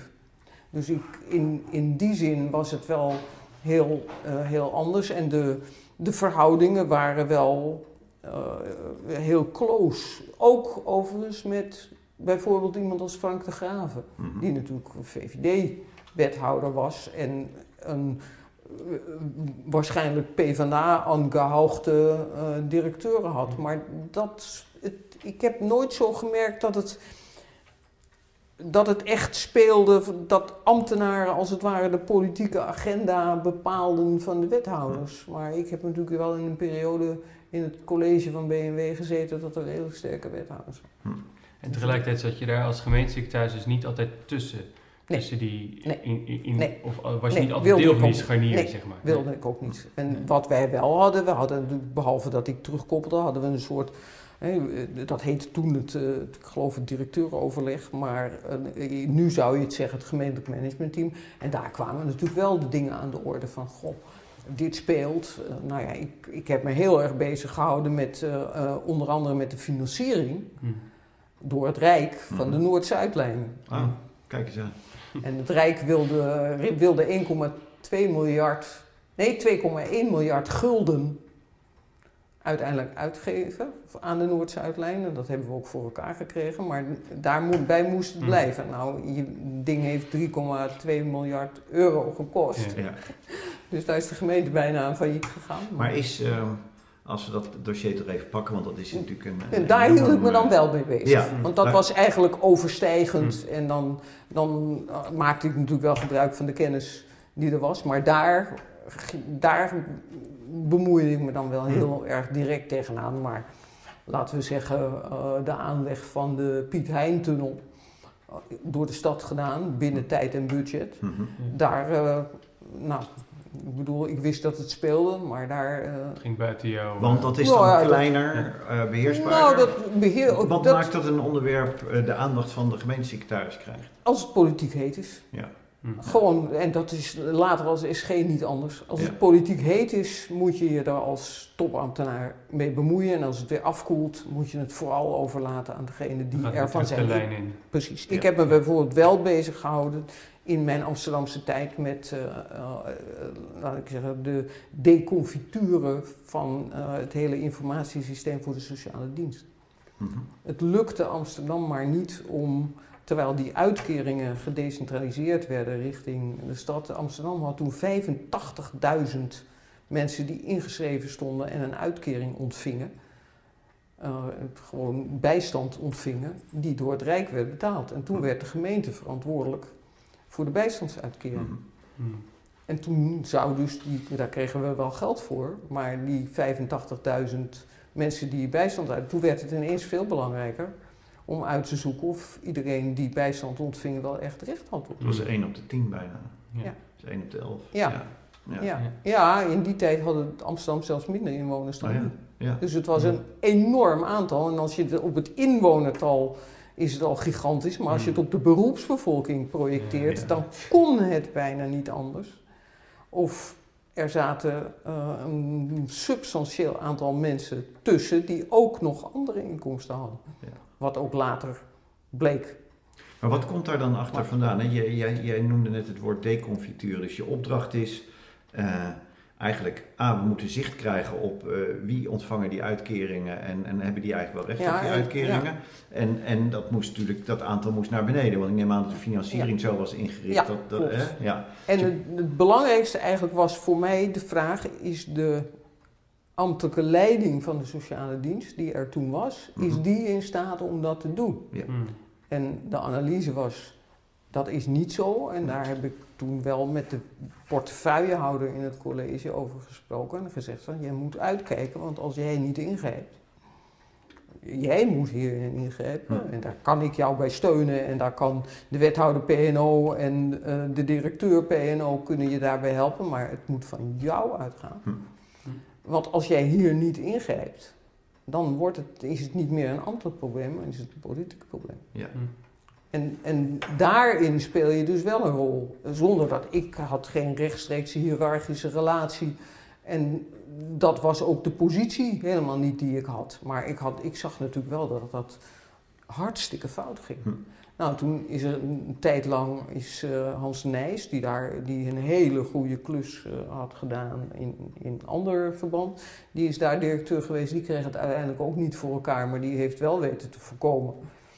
Uh, doordat hij de verstandige beslissing nam om het oude systeem in de lucht te houden voordat het nieuwe, terwijl het nieuwe geïmplementeerd mhm. werd en toen het nieuwe niet werkte, was er godlof nog het oude systeem in de mhm. lucht. Mm Maar uiteindelijk is besloten om zeg maar naast de sociale dienst een hele nieuwe dienst werk en inkomen op te zetten. Hmm. En, en eigenlijk die van scratch om op te bouwen en uh, dat uit te faseren. Maar dat was al, de, de basis daarvoor is gelegd toen ik uh, gemeentesecretaris was, maar toen was ik al weg. Ja, dus dat heeft Erik verder gedaan. Ja, ja. ja. dus Dat, uh, dat, is, dat heb ik niet meer gedaan. Ja. Dus, maar dat, daar, die basis is wel, maar het is meer een illustratie van het feit dat je als topambtenaar zeker in zo'n positie, of je nou secretaris-generaal of gemeentesecretaris bent, als iets politiek heet is, dan moet je er je mee bemoeien. Maar je moet, er ook weer niet, je moet het ook niet overnemen van je dienstdagdirecteur als gemeentesecretaris of van je directeur-generaal ja. ja. als je secretaris bent. Hoor je dan, want, want er zijn natuurlijk op enig moment, zeker in het huidige tijdsgevricht, maar misschien toen destijds ook al, zeker in de stad Amsterdam, kan me ook voorstellen bij Front, er zijn natuurlijk altijd al een x aantal dingen politiek heet. Ja. Voor je het weet is je hele agenda reactief bepaald door incidenten of mogelijke incidenten. Ja, maar niet elk incident is zo politiek heet dat het, uh, dat het een zekere bemoeienis van de ambtelijke top vergt. Ja. Om, om, als ik, ik heb eh, ter voorbereiding op dit gesprek ook even nagedacht, hoe, hoe zat dat nou toen ik SG was? Welke dingen waren nou politiek heet? Hm. Nou, toen ik aantrad, 2000 was het heel simpel. De vuurwerkramp in Enschede en de, uh, de brand in het hemeltje ja. in Volendam. Ja. Dat uh, beide zaken die waren waarbij... toen net gebeurd, toen jij... Die waren de, toen ik, ik trad aan, ik, volgens mij was de vuurwerkramp in juli. En ik trad aan 1 augustus 2000. Nee, vuurwerkramp was op Koninginnedag. Nee, Nee, niet op gewoon 13 juli volgens mij. 13 juli 2000, als ik het goed heb. Oh, oké. Hij was in ieder geval, ja. volgens mij was het. En ze gebeurden vlak achter elkaar, die twee. En het hemeltje was uiteraard 31 december ja. 2000, want dat was de kerstverlichting die in de fik ging. Ja. Uh, dus toen ik SG werd, was de vuurwerkramp net gebeurd. En natuurlijk kwam daar uiteindelijk ook vrij snel de rol van de FROM-inspectie. Mm. Ja bij. Want hoewel uh, de VROM-inspectie een tweede lijnsinspectie was, zowel voor bouw- en woningtoezicht, wat primair bij de gemeente Volendam lag, mhm. als voor toezicht op gevaarlijke en ontplofbare stoffen, wat in Enschede was, waar ook de primaire verantwoordelijkheid bij de gemeente Enschede lag, mm. kwam natuurlijk VROM al heel snel in beeld. Ja. Dat is een dossier waar je dan ook als secretaris-generaal mee te maken hebt. En wat je niet anders kan dan uh, omdat er sowieso al omdat er verschillende dienstonderdelen bij betrokken zijn, de inspectie, maar ook milieu. En het natuurlijk politiek gewoon heel ingewikkeld was en er bovendien een interdepartementale component aan zat, omdat de toezicht op uh, ammunitie gelijk te stellen stoffen eigenlijk lag bij Defensie. Defensie ja. Dus dat, daar heb ik nog een hele discussie met Jan Pronk over gehad, die toen uh, meende dat hij misschien wel de vertrouwensvraag in de Kamer moest stellen, omdat het MIT heette het geloof ik toen, de militaire inlichtingen. Ik weet niet zeker of het een MIT was, maar die hadden gefaald. En toen zei ik, Jan, als jij de vertrouwensvraag wil stellen, één, dat moet op, op je eigen uh, portefeuille betrekking hebben, maar dat kan je niet doen zonder het kabinet te informeren. Dus ben jij nou helemaal gek geworden. ik geloof zo dat ik het zelfs letterlijk zo tegen hem gezegd. Wel in de binnenkamer. In de binnenkamer zat ja, In de binnenkamer, maar ik vond het echt, ik, ik, vond het echt, ik had echt iets van, wat ben jij nou aan het doen? Mm. Ben je nou je een beetje politiek de eer naar jezelf aan het trekken? Mm. Laten we het even bij de feiten houden. Mm. Dus dat, dat deed ik dan wel. Maar kan je iets zeggen? Ik vind dat die vuurwerkcasus in Volendam, die dubbelslag ik weet dat jouw minister Klaas de Vries, die, die was, stond onder grote druk toen... Ja, dat was niet mijn minister. Was dat jouw minister? Nee, nee. Oh nee, natuurlijk niet, het was Binnenlandse Zaken. Binnenlandse Zaken. Ja, daar kwam heel veel druk terecht na uh, het rapport Oosting. Ja. Uh, en het rapport toen over het ja, Maar daar was ik dus niet, nee, uh, daar was ik dus niet bij. Nee, maar ik bedoel, dat betekent dat dat dossier dus eigenlijk kabinetszaggen ja, was. Ja, ja, was kabinetszaggen. En dat, uh, dat vaak, want dat heb ik later bij de bouwfraude ook gedaan, ja. was er dan een interdepartementale hoogambtelijke groep die, die als het ware, ja, want dit is wel kabinetszaak, maar het kabinet moet wel gevoed worden. Ja. Ja. Dus dat manage je ambtelijk door een, door een hoog uh, samenwerkingsgroep, ja. Uh, op SG-niveau of... Ja, SG, SG, ja. En bijvoorbeeld bij de Schipholbrand, idem dito met de ster natuurlijk. Daar ben ik ook heel erg... Of de bouwfraude, wat eigenlijk het grootste was. En hoe gaan die dingen? Wat, wat, wat is de inzet in, in dat soort groepen? Want je hebt natuurlijk aan de ene kant, laten we zeggen, de overleving van de bewindspersoon. En aan de andere kant heb je uh, het uh, dit nooit meer, we moeten leren en de ondersysteem moet boven. Nou ja, het, eh, het sterkste heb ik, uh, zeg maar, natuurlijk bij de bouwfraude als voorbeeld. was in eerste instantie gewoon, hè, die, die klokkenluider was er geweest met een vuilniszak vol documenten die aan een mhm. deurknop hing. Kan je ook zo je vraagtekens bij zetten, maar dat even terzijde. Uh, in eerste instantie eh, weet ik nog dat ik de vraag stelde: is there something rotten in the state of Denmark of is the state of Denmark rotten? Hm. Want dat wisten we op dat moment helemaal niet. Hm. Dus in eerste instantie wisten we ook helemaal niet hoe groot het zou worden. Hm. En dan, dan zit je dus in een positie, dan ben je nog helemaal niet toe aan het redden van de politieke huid van je minister. Dan zit je eigenlijk nog in, de, in het stadium van, nou er is iets in de buitenwereld gebeurt. Dat trekt heel veel aandacht. Smeren en vetteren, omkoperij, uh, verdelen van uh, opdrachten, kartelwerking. Hmm. Hoe zit het nou in elkaar? Hmm. Dus daar was dat de inzet. Bij de Schipholbrand was natuurlijk toen de Onderzoeksraad voor Veiligheid met zijn onderzoek begon. En dan is er altijd eerst een conceptrapport dat aan de kring van intimi ook hoogambtelijk wordt voorgelegd. Ja, toen ik dat onder ogen had, wist ik wel dat de positie van de minister onhoudbaar was. Hmm.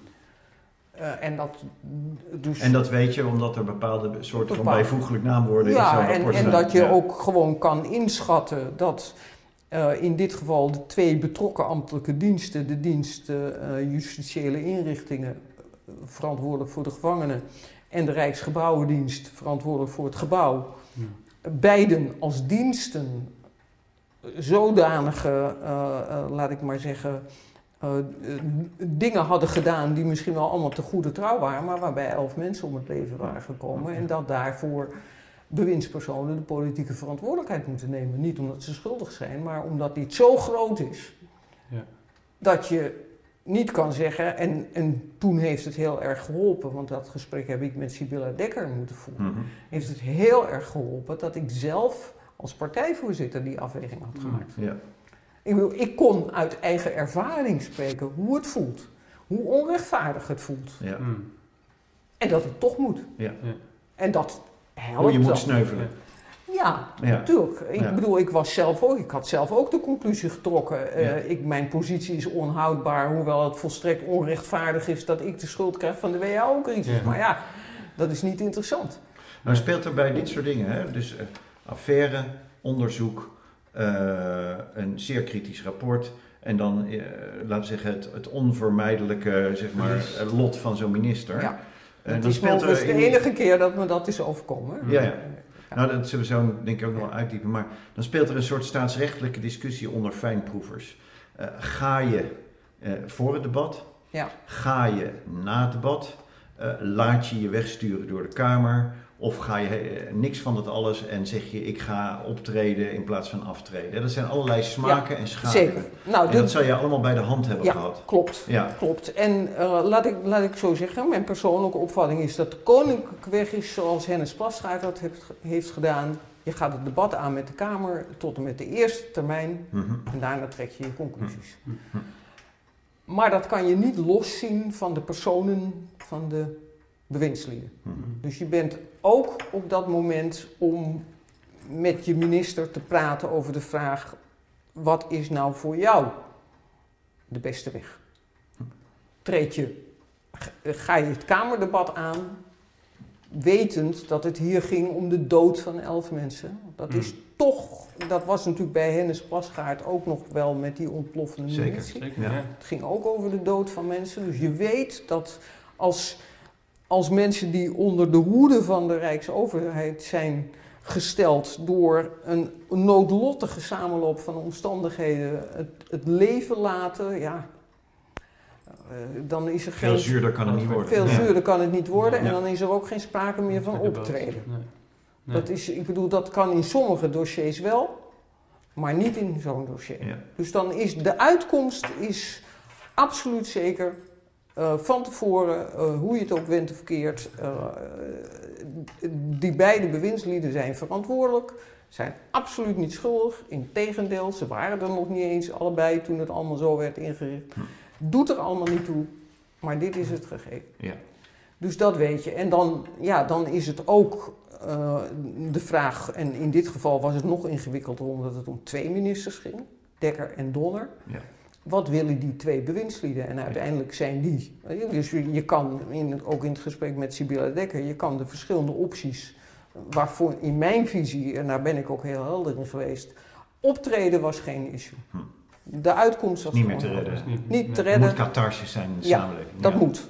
Iemand, eh, de, de, twee meest betrokken bewindslieden moeten als, zeg maar, hè, dat is ooit door eh, Joop van den Berg een zweepslag voor het ambtelijk apparaat mm-hmm. genoemd. Het aftreden van de minister, die moeten die verantwoordelijkheid nemen. Mm-hmm. En dat is niet omdat ze schuldig zijn, maar omdat ze verantwoordelijk zijn. Mm-hmm. Dus dat was duidelijk. En dan is het uiteindelijk ja, wat, wat die twee zelf samen. Ze moesten in ieder geval ook hetzelfde doen.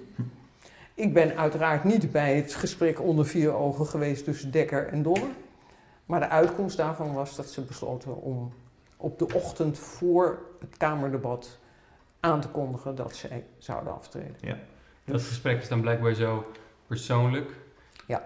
Uh, dat er geen strategische hulp van de SG? Nou ja, kijk, ik, ik kon zelf al een goede inschatting maken waar de voorkeur van Sibylla lag. Mm. en ik denk dat haar voorkeur was om niet het Kamerdebat meer mm. aan te gaan. Mm. Dat weet ik, maar uiteindelijk is de afweging is niet de mijne. Nee, nee. Je kan, die is aan hen. Ja, ja die is aan hen en die hebben ze ook. En dus het, zeg maar, voor mij waren twee dingen duidelijk. De uitkomst is aftreden en jullie moeten beide hetzelfde doen. Ja. ja. ja. We, hebben het nu, we hebben het nu gehad over de, de politieke consequenties van, van zo'n aftreden. Ja. Wat doet dat met het departement? Nou ja, dus, kijk, dat, hoe, dat was een hele... om met het, het verlies en je moet ook weer verder. Ja, en dat was natuurlijk een hele ingewikkelde, want daarna kwam Winsemius uh, even als, als tijdelijke minister. En het aftreden van met name Donner had nogal een impact in CDA-kringen. Dus daar ontstond een discussie over de vraag: er zijn nu twee ministers afgetreden en nu moeten eigenlijk ook de twee topambtenaren hmm. die aan het hoofd staan van enerzijds de dienst justitiële inrichtingen en anderzijds uh, de Rijksgebouwdienst ook aftreden. En daar ben ik dwars voor gaan liggen. Want dat waren de twee mensen die helemaal niet op, de, op het moment dat die zaken speelden, de verantwoordelijkheid hm. droegen. Hm. Dus daarvan heb ik toen, en dat heb ik inderdaad met Winsemius, met Winsemius dat nogal indringend besproken. Hm. Dat het niet zo kan zijn dat je wel een topambtenaar verantwoordelijk kan stellen voor iets wat gebeurt op het moment dat hij die verantwoordelijkheid ook heeft. Maar als de, zijn opvolger die part nog deel heeft gehad aan hoe dat die, die uh, zeg maar penitentiaire inrichting op Schiphol gebouwd is, dat die zou moeten aftreden, dat kan niet. Nee, zijn geen ministers. Het zijn geen ministers.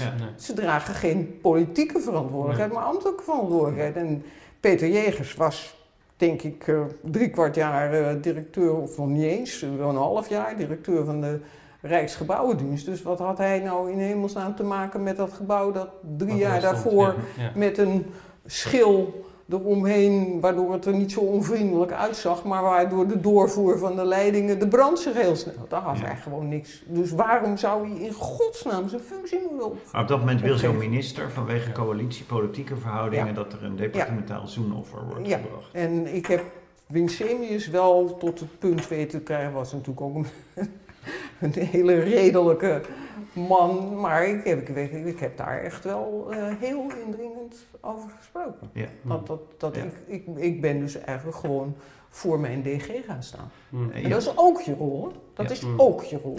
Mm. Dat, nou, laat ik, het, laat ik het zo zeggen. Ik zou, toen de LPF in het kabinet kwam, zou ik harder gevochten hebben als een minister de eis had gesteld, uh, die DG moet weg. Dus de, in de zaak van Lieshout. Ja. Ja. ja. Dan de toenmalige SG, ik herinner me even niet wie de SG was. Roel Becker. Oh, Roel Becker. Roel Becker. En ik, ik kan niet precies, ik weet niet precies wat er is gewisseld, hè? dus dat zou jij aan hem moeten vragen. Ik kan alleen maar zeggen dat ik toen wel echt voor Peter Jegers ben gaan staan. Hm. En dacht van ja, maar dat laat ik gewoon, dat kan het kabinet wel willen, maar dat laat ik niet zomaar. Ja, kijk, als, als het kabinet erbij blijft, dan kan ik ook niks meer doen. Maar ik ga in ieder geval, en ik ben toen ook nog met Winsemius mee naar Balkenende geweest. Ja. Dus ik heb het ook, ik heb het niet Zou het voor jou uiteindelijk een principiële kwestie ook geworden kunnen zijn? Dat had gekund, hm. maar ehm, ik was toen al bezig met Isra. Ah, ah, dus ik ah. zou dat nooit hebben, dat wist men toen niet hoor. Ik bedoel, maar ik zat al in de sollicitatieprocedure, dus ik had dat, ik, ik bedoel, het is niet erg chic om te zeggen, ik treed om principiële reden af en vervolgens heb je, als je al een nieuwe baan in je achterzak hebt. dus ik kan, ik kan dat niet zeggen en bovendien heeft het niet gespeeld. Maar ik was wel ik, ik, ik ben wel, zeg maar, als SG behoorlijk ver gegaan. In, dus niet alleen om daar met Winsemius over te praten, maar ook vervolgens om met Winsemius mee naar de minister-president te gaan en daar nog een keer ja. en, uit te leggen. En uiteindelijk heeft het kabinet ook besloten van, nou oké, dus beide ambtenaren zijn in hun positie gebleven. Ja. Kunnen we even terug naar een andere crisis, die zich meer aan het begin van jouw uh, periode als SG afspeelt? Dat is 9-11. Ja. Uh, en 9-11, nou dat is op zichzelf al een groot crisismoment. En je moet dan zomaar even vertellen um, hoe jij dat hebt beleefd in jouw rol. Ja. Maar, maar dat blijkt dan vervolgens eigenlijk ook het startsein te zijn voor de deconfituren van Paars 2. Ja. Uh, en dat, dat, dat zijn negen maanden in de politieke geschiedenis van Nederland die uh, mensen niet gauw zullen vergeten. Nee, absoluut. En wij zijn heel erg geïnteresseerd, ik denk ook de luisteraars, in van goh, je ziet dat drama zich dan ontrollen, ambtelijk. Je neemt aan dat je ambtelijk zelf ook verbijsterd bent door wat er gebeurt in de publieke opinie, de opkomst van een charismatische leider à la Fortuyn. En, en hoe dan zo'n kabinet, dat, uh, en ook een premier die stevig in het zadel zat, hè, hoe dat dan allemaal ja, implodeert. Hoe je daartoe verhoudt. Kan je ons een beetje meenemen in die periode? Ja. Nou, eerst maar even over 9-11 zelf. Uh, dat, uh, er zit zes uur tijdverschil tussen New York en Den Haag. Oh, Amsterdam ook, maar Den Haag. dus op het moment dat dat eerste vliegtuig in de toren vloog, was het denk ik hier drie uur middags. Zoiets. Ja. en dat was eigenlijk nog niet het moment, heb ik later eigenlijk pas gehoord. De, de mensen die dat eigenlijk op het moment zelf hoorden, waren de chauffeurs die beneden in de wachtruimte zaten de, van de dienstauto's gewoon te wachten totdat ze iemand mhm. weer moest rijden. En die daar de televisie hadden aanstaan. Mm. Die hoorden het als eerste. En die, zoals mijn chauffeur later zei, die durfde niet boven, zo noemden ze dat, boven te bellen. Mm. Van er is iets bijzonders gebeurd. Toen de tweede vliegtuig in de, de, de eh, torens vloog, toen kwam dat, ik weet niet langs welke weg, wel al naar boven. Hmm. Dat was denk ik een uur later, ja, ongeveer. Om een uur of vier of net voor vieren. En ik weet dat er toen iemand van bureau SG, een van mijn mensen, kwam en die zei er is iets vreselijks uh, aan de hand. En ik had uiteraard, zoals alle topambtenaren, een televisie die altijd op teletext stond. En ik keek naar teletext en ik zag dat en zette de televisie aan. En mijn ambtenaren die verzamelden zich in mijn kamer en wij keken echt met grote verbijstering. Ik had om vier uur een afspraak voor een vergadering bij Binnenlandse Zaken. Vraag me niet waar het over ging, ik zou het niet meer weten. Dus ik ging daarheen, plichtsgetrouw. En ik zat daar, we hadden dus, laten we zeggen, vijf of tien minuten daarvoor hadden we die vliegtuigen in die tweede toren zien vliegen en alles wat daar aan beelden uh, bij kwam. En ik zat daar en wij begonnen met een agenda en ik dacht, wat doe ik hier nou eigenlijk? Dus na, nou misschien tien minuten, een kwartier, langer zal het niet hebben geduurd, zei ik, jongens, ik weet niet hoe het met jullie vergaat, maar dit is er aan de hand. Nou, dat bleken de meesten ook wel te hebben gehoord. En ik wil bij mijn mensen zijn. Ik wil gewoon niet hier meer zitten. Ik, ik, ik heb, mijn hoofd is er niet bij en ik kan me niet voorstellen dat op dit moment iedereen dit nog een goed, uh, goed moment vindt om door te vergaderen. Dus laten we ermee ophouden. Dus ik ben weer teruggewandeld naar From. En ben toen, heb ik nog een stukje televisie gekeken en op een gegeven moment dacht ik van, goh, ehm, wat zou, hoe zou Jan Plonk dat vinden? Want die was toen minister, hoe zou de minister dat vinden? Uh, en toen ben ik naar zijn secretariaat gelopen, want ik dacht, ja, ik wil toch even horen. En, en hoe, hoe gaat het kabinet hierop reageren? Want dat is natuurlijk iets wat altijd wel in je achterhoofd zit. En ik ben toen naar het secretariaat gelopen en ik vroeg van, goh, is de minister te spreken? En ik was ook al naar Johan Remkes gelopen, maar die zat in een, in een grote vergadering, dus ik dacht, die moet ik even niet storen. Is de minister te spreken? En toen zei zijn secretaresse, ja, die zit op zijn kamer. Uh, dus ik ik mocht altijd binnenlopen, dus ik deed de deur open, want hij is alleen. Dus ik, en daar zat Jan Konk met natuurlijk net zoveel emoties als ik zelf ook had. En ik zei tegen hem van, goh, komt het kabinet niet bij elkaar? En toen keek hij me aan, toen zei hij, uh, dat vind jij dus ook? Ik zei, ja, ja, volgens mij moet Kok een verklaring op televisie geven. Dit is, dit is zo groot, dit en toen zei hij, ja, uh, ik heb daar al met Wim over gepraat. Dat vond ik wel eigenlijk Wim, wel... Wim Kok.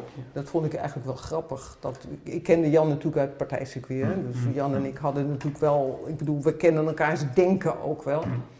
Uh, dus het was niet zo raar dat we hetzelfde dachten op dat moment. Maar hij zei, ik heb daar met uh, Wim over gepraat... maar die vindt dat hij eerst een verklaring in de Kamer moet afleggen. En dat is pas morgen. Ik zei, nou, dat is te laat. Dat, dat, moet hij. Toen zei hij, ja, je hebt gelijk, ik ga Wim nog een keer bellen. En dat heeft hij toen ook gedaan. En eh, nou, ik, ik was in die kamer, dus uiteindelijk besloot Kok, het lijkt toch verstandig dat we de ministerraad bij elkaar roepen. En omdat dit zo uitzonderlijk is, dit is geen gewone ministerraad, vraag ik aan elke minister om één ambtenaar mee te nemen. Dus toen ben ik met Jan meegegaan naar de Trevenzaal. Dat is ook de enige keer dat ik in de Trevenzaal aan tafel heb gezeten, waar het hele kabinet om tafel zat. En toen uh, is eigenlijk uh, ja, de verklaring die Wim Kok daarna ook volgens mij om acht uur in het Nationaal heeft Wat was de sfeer, wat was de discussie? Waar heeft een kabinet het op zo'n Nou, eigenlijk over wat moeten wij nu wat kunnen wij nu vanuit Nederland zeggen, uh, waarin we woorden geven aan, aan de totale onderhutsing van, van iedereen in dit land. Waarbij op dat moment, ik had zelf heel sterk het gevoel, en dat zei ik ook toen ik er met Jan over sprak daarvoor. Maar ja, Kok is toch, op zo'n moment kijkt een land naar zijn leider. En de politiek leider van een land is de minister-president. En als er zoiets groots gebeurt, dan moet de minister-president daar iets over zeggen. Die moet woorden geven aan het gevoel mm. dat in de bevolking leeft. En ik kon mij niet voorstellen dat het iets anders zou zijn dan uh, dezelfde onthutsing die ik in het departement en daarbuiten en met iedereen zag. En dus eigenlijk ging de discussie in het kabinet vooral over de vraag wat kan Kok nou wel zeggen en wat kan hij niet zeggen. En hij moet zich niet overschuldigen. Hij moet eigenlijk zich beperken.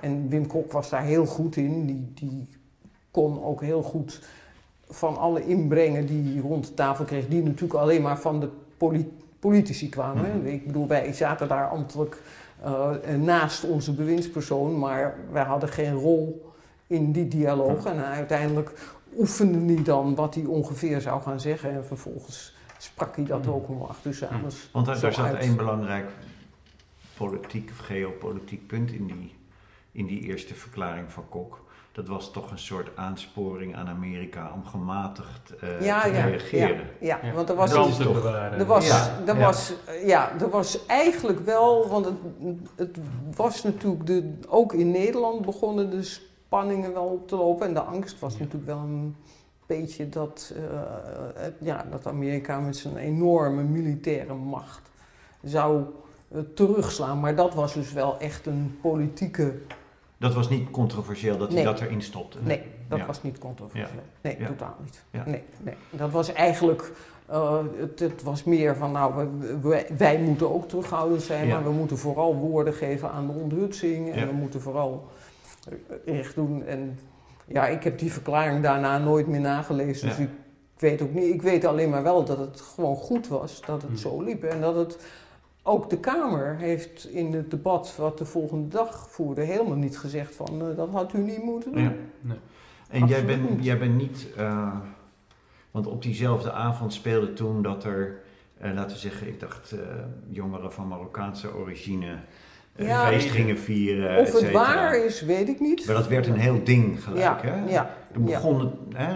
Dat, toen, dat was een soort, uh, ja, een soort taste of things to come. Uh, dus dat, ja, dat, dat nou dat was er natuurlijk eigenlijk al. Een debat over de multiculturele samenleving die mislukt was. En, Paul dat Scheffer was, al Paul Scheffer, Bolkestein. Dus het, het, die onderstroom was er al. En het, uh, ja, het, het culmineerde natuurlijk uiteindelijk in 6 mei 2002. Ja toen uh, Pim Fortuyn werd vermoord en uh, zeg maar als verklaring werd gegeven de kogel kwam van links. Ja.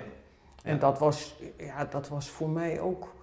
Ik heb toen die, die ik weet, ik, ik was in Haarlem bij uh, de Rijksgebouwendienst geweest en ik weet dat ik het daardoor, want normaal was ik veel later thuis dan zes uur, maar omdat ik in Haarlem zat, was ik voor zessen hier thuis en ik weet dat we, hadden gewoon de radio aanstaan en dat, ik denk twee minuten over zes, de moord op Wim, Pim mm. Fortuyn wereldkundig werd gemaakt. En nou, dat was wel chockerend. Dat hm. vond ik echt dat, ik was echt absoluut verbijsterd daardoor. En ik, ik had al grote bedenkingen tegen toen met dat taartincident. Dat, dat, Ik bedoel, je kan het hardgrondig met iemand oneens zijn, maar je gaat niet, je benadert niet iemand in persoon hm. op zo'n bedreigende manier. Maar wat ik natuurlijk helemaal totaal niet had kunnen voorzien, was hoe fel de reactie en hoe anti, anti-links de reactie was dat, dat Ad Melkert de gordijnen uh, moest ja. dichtdoen en dat de politie van Den Haag de grootst mogelijke moeite had om het Binnenhof te beschermen tegen de mensen die woedend waren. En op zich natuurlijk waren ze terecht woedend, want Fortuyn had zich in, in die periode, eerst met Leefbaar Rotterdam en vervolgens in de aanloop naar de verkiezingen van 25 mei geloof ik, opgeworpen als, uh, uh, laten we zeggen, de vertolking van toch de enorme onderstroom van onvrede die, die zich had opgehoopt. En als je met een koel oog kijkt. Dat, dat, ik heb lang in, in een ander deel van Amsterdam-Noord gewoond, waar ik de wijk heb zien verkleuren. Mm en waarvan je kan zeggen, en dat heeft niet alleen met immigranten te maken, dat heeft bijvoorbeeld ook te maken met het feit dat, dat begeleid wonen. En die mensen komen ook allemaal in sociale huurwoningen terecht. Dus het zijn, uh, laat ik zeggen, het, het gevoel van een groeiende tweedeling was, begon toen al uh, vorm te krijgen en, en richtte zich eigenlijk met name tegen, uh, denk ik, de allochtonen met een Later is dat heel erg toegespitst op Marokkaan. Hm. Maar toen was het nog breder. Hm. Ik zei altijd, je moet in een grote stad wonen om het verschil te kunnen zien. Hm. De meeste mensen scheren dat over één kam, maar dat is natuurlijk helemaal niet zo. In culturele zin niet. En, maar goed, dus dat speelde toen en dat kwam toen natuurlijk op een geweldige manier tot uiting. Maar, en, maar als ik het dan zo zeg, hè, want dan, laten we dan even we hadden het over 9-11, we hadden het over 6 mei. En ja. Ons interesseert ook heel erg de periode daartussen. In die periode daartussen waren jullie als SG's bezig met verkenningen. Ja. Uh, het grote project van Wim Kuiken, zullen we maar zeggen. Ja. Uh, en dat, dat was eigenlijk voor een soort paars drieachtige toekomst, ja, dat was het zeggen. ook. Dat was het ook. En ik herinner uh, me ook wel... Ja, ja. ja. Ik, ik denk, ik weet wel dat, later heb ik die les meegenomen, daar kom ik nog wel op, bij het referendum over de Europese grondwet. Maar ik weet wel dat ik toen wel een, het gevoel had van zijn we nou wel met de goede dingen bezig, maar toch ook, dat was zo'n trein die reed. Mm-hmm. En ja, dat, de dijkstal, die leefde toen nog. En mm. nou ja, die, er waren allerlei verkenningen en de, ja, er zou een paars drie komen. En dat was eigenlijk wel achteraf bezien enorm aanmatigend en totaal verkeerd lezen van wat er echt in de samenleving aan onderstroom mhm. aan de hand was. En dat, dat, dat heeft, hebben we politiek niet gezien, dat hebben we als SG's niet gezien. Nee. hoe denk je dat dat kan? Hè? Kijk, nu met terugkijken is het allemaal van hoe kunnen ze dat niet hebben gezien. Maar hoe verklaar je als jij zelf teruggaat wat maakte nou dat die signalen, die er toch wel degelijk waren, maar soms heel subtiel of verdekt, et cetera, dat dat toch duurde, een tijd duurde voordat het het Haagse systeem De afstand tussen het Haagse systeem, ik, en dat bedoel ik niet vervelend, maar tussen de systeemwereld van de departementen en, en de bevolking met een groep mensen waar ik zelf ook toe hoor. Ik ben een sociale stijger, maar wel een met een voltooide universitaire opleiding en met alle kansen. Die ik ook zelf gegrepen heb. Dat doet het allemaal niet toe, maar ik ben wel uit mijn milieu gegroeid. En maar ja, wel wonend als burger, wonend in Noord, ja. waar het zich voltrekt. Hè? Ja, ja, maar het, als je, uh, laat ik zeggen, SG bent en elke ochtend staat de dienstauto om vijf over zeven voor de deur om jou naar Den Haag te brengen en die levert jou gemiddeld gesproken op zijn vroegst om half acht s avonds en vaker ook nog voorbij middernacht weer af dat maakt het niet zo uit. Dan maakt het niet zo heel veel uit waar je woont.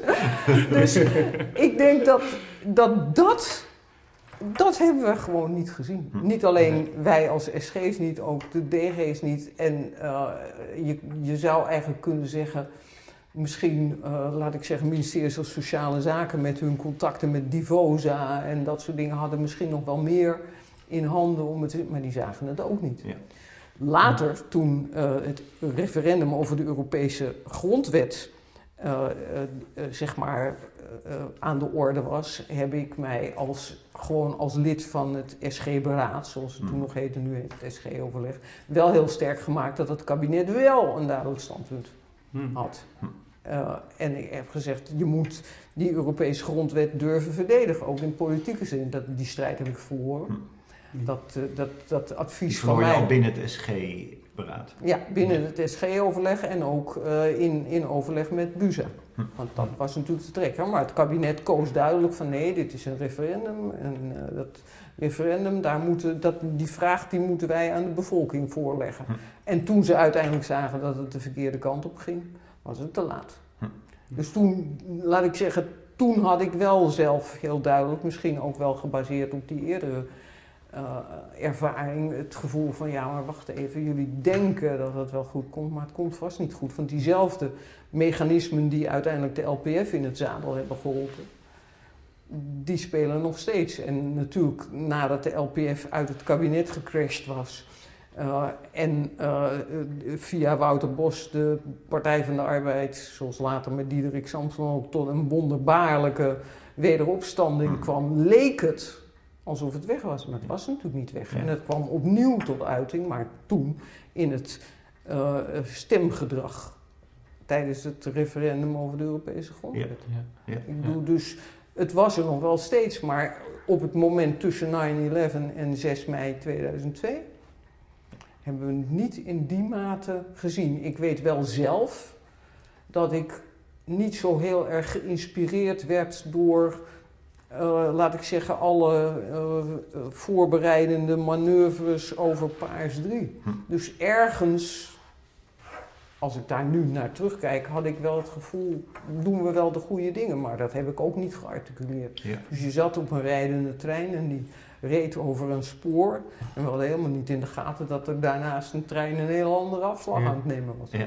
Want iets, iets later, Balkenende 1, ja. Ehm, dan heb je opeens ook een hele andere lichting politici. Ook, ja, uh, nou dat hadden wij, ja precies. was er toen binnen het SG-beraad een soort besef van, oh, misschien zijn de tijden toch veranderd en uh, nou ja, gaan nu andere mensen dienen? Toen, toen uh, zulke heftige reacties kwamen na de moord op Pim Fortuyn. En uh, bij de verkiezingen op 25 mei, de LPF met 24 zetels, als ik mijn hoofd... 24, 24 ik dacht 24 ja, zetels in de Kamer kwam. En het ook volstrekt duidelijk was dat uh, er een kabinet zou komen en moeten komen waarvan de LPF deel uitmaakte. Ik bedoel, die analyse, die, daar had je niet eens heel groot politiek uh, vernuft voor nodig om dat te begrijpen. Toen heb ik wel, uh, toen duidelijk was dat dat kabinet uh, VVD, CDA, LPF er zou komen. Dus niet een gedoogkabinet, maar gewoon echt de LPF met ministers in het kabinet. En ik als SG de melding kreeg dat ik met Henk Kamp een gesprek moest voeren. Toen heb ik wel zelf bij Henk, voordat hij nog bij de koningin toen nog geweest was om ja te zeggen, formeel ja te zeggen, tegen het ministerschap, heb ik wel tegen Henk gezegd, Henk, uh, voordat wij beginnen aan de dossiers die bij From spelen en die ingewikkeld zijn, wil ik gewoon één ander punt op tafel leggen. Aan het begin van dit gesprek, jij weet en ik weet dat ik geprofileerd Partij van de Arbeid ben. Ik ben niet blind voor de verkiezingsuitslag. Ik weet dat ik nu hoor tot een stroming die uh, gewoon de, het vertrouwen en de gunst van, het, uh, van de bevolking heeft verspeeld. En als het voor jou, of voor het kabinet, maar als het voor jou dus een probleem is dat ik die politieke kleur heb, dan moet je dat nu zeggen, want dan weet ik gewoon wat mij te doen staat en dan stap ik opzij. Dan leg ik mijn functie neer. En toen zei Henk, dat was eigenlijk wel heel erg mooi, Henk keek mij strak aan zoals hij dat kon. Elkaar zegt strak aankijkend. Ik vind het belangrijk dat mijn SG politiek gevoel heeft. De Partij van de Arbeid is voor mij niet besmet. En ik beoordeel mensen altijd op hun daden.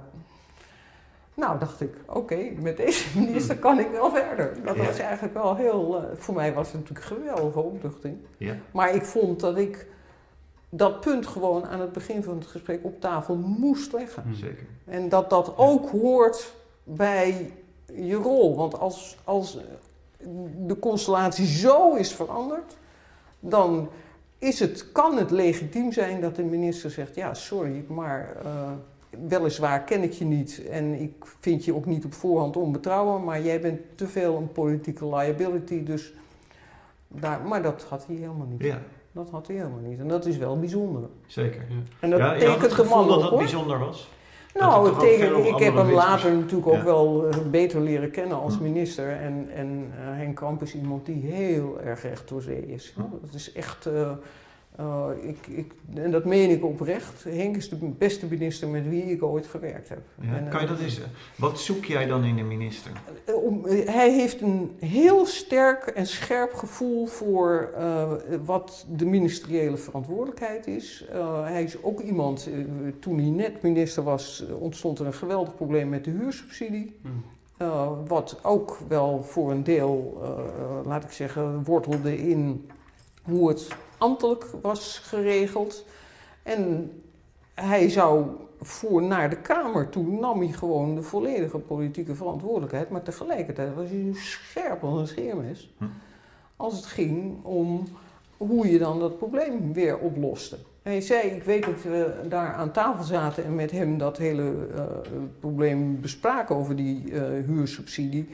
En dat een van de mensen die daar rechtstreeks verantwoordelijk voor was, een beetje begon te duiken. En toen zei hij, en dat zal ik ook nooit vergeten: Nee, jij hebt je DG en je SG niet in de gelegenheid gesteld om hun ambtelijke verantwoordelijkheid waar te nemen. Er is een informatieplicht van jou aan de mensen die hmm. hoger op in de ambtenarij daarvoor verantwoordelijk zijn. En Henk was natuurlijk als in zijn loopbaan afkomstig uit de field. En ik bedoel, dat had hij dus heel sterk mee. En, en ja, het is ook iemand met een enorme gevoel voor A, kennis van dossiers, maar ook een, een neus voor waar de politieke snacks zaten daarin. Dat kon hij heel goed. En, en ja, ook met, en dat vind ik ook bijzonder, ook later toen ik hem heb gevolgd op afstand, omdat ik al niet meer in het Haagse werkte.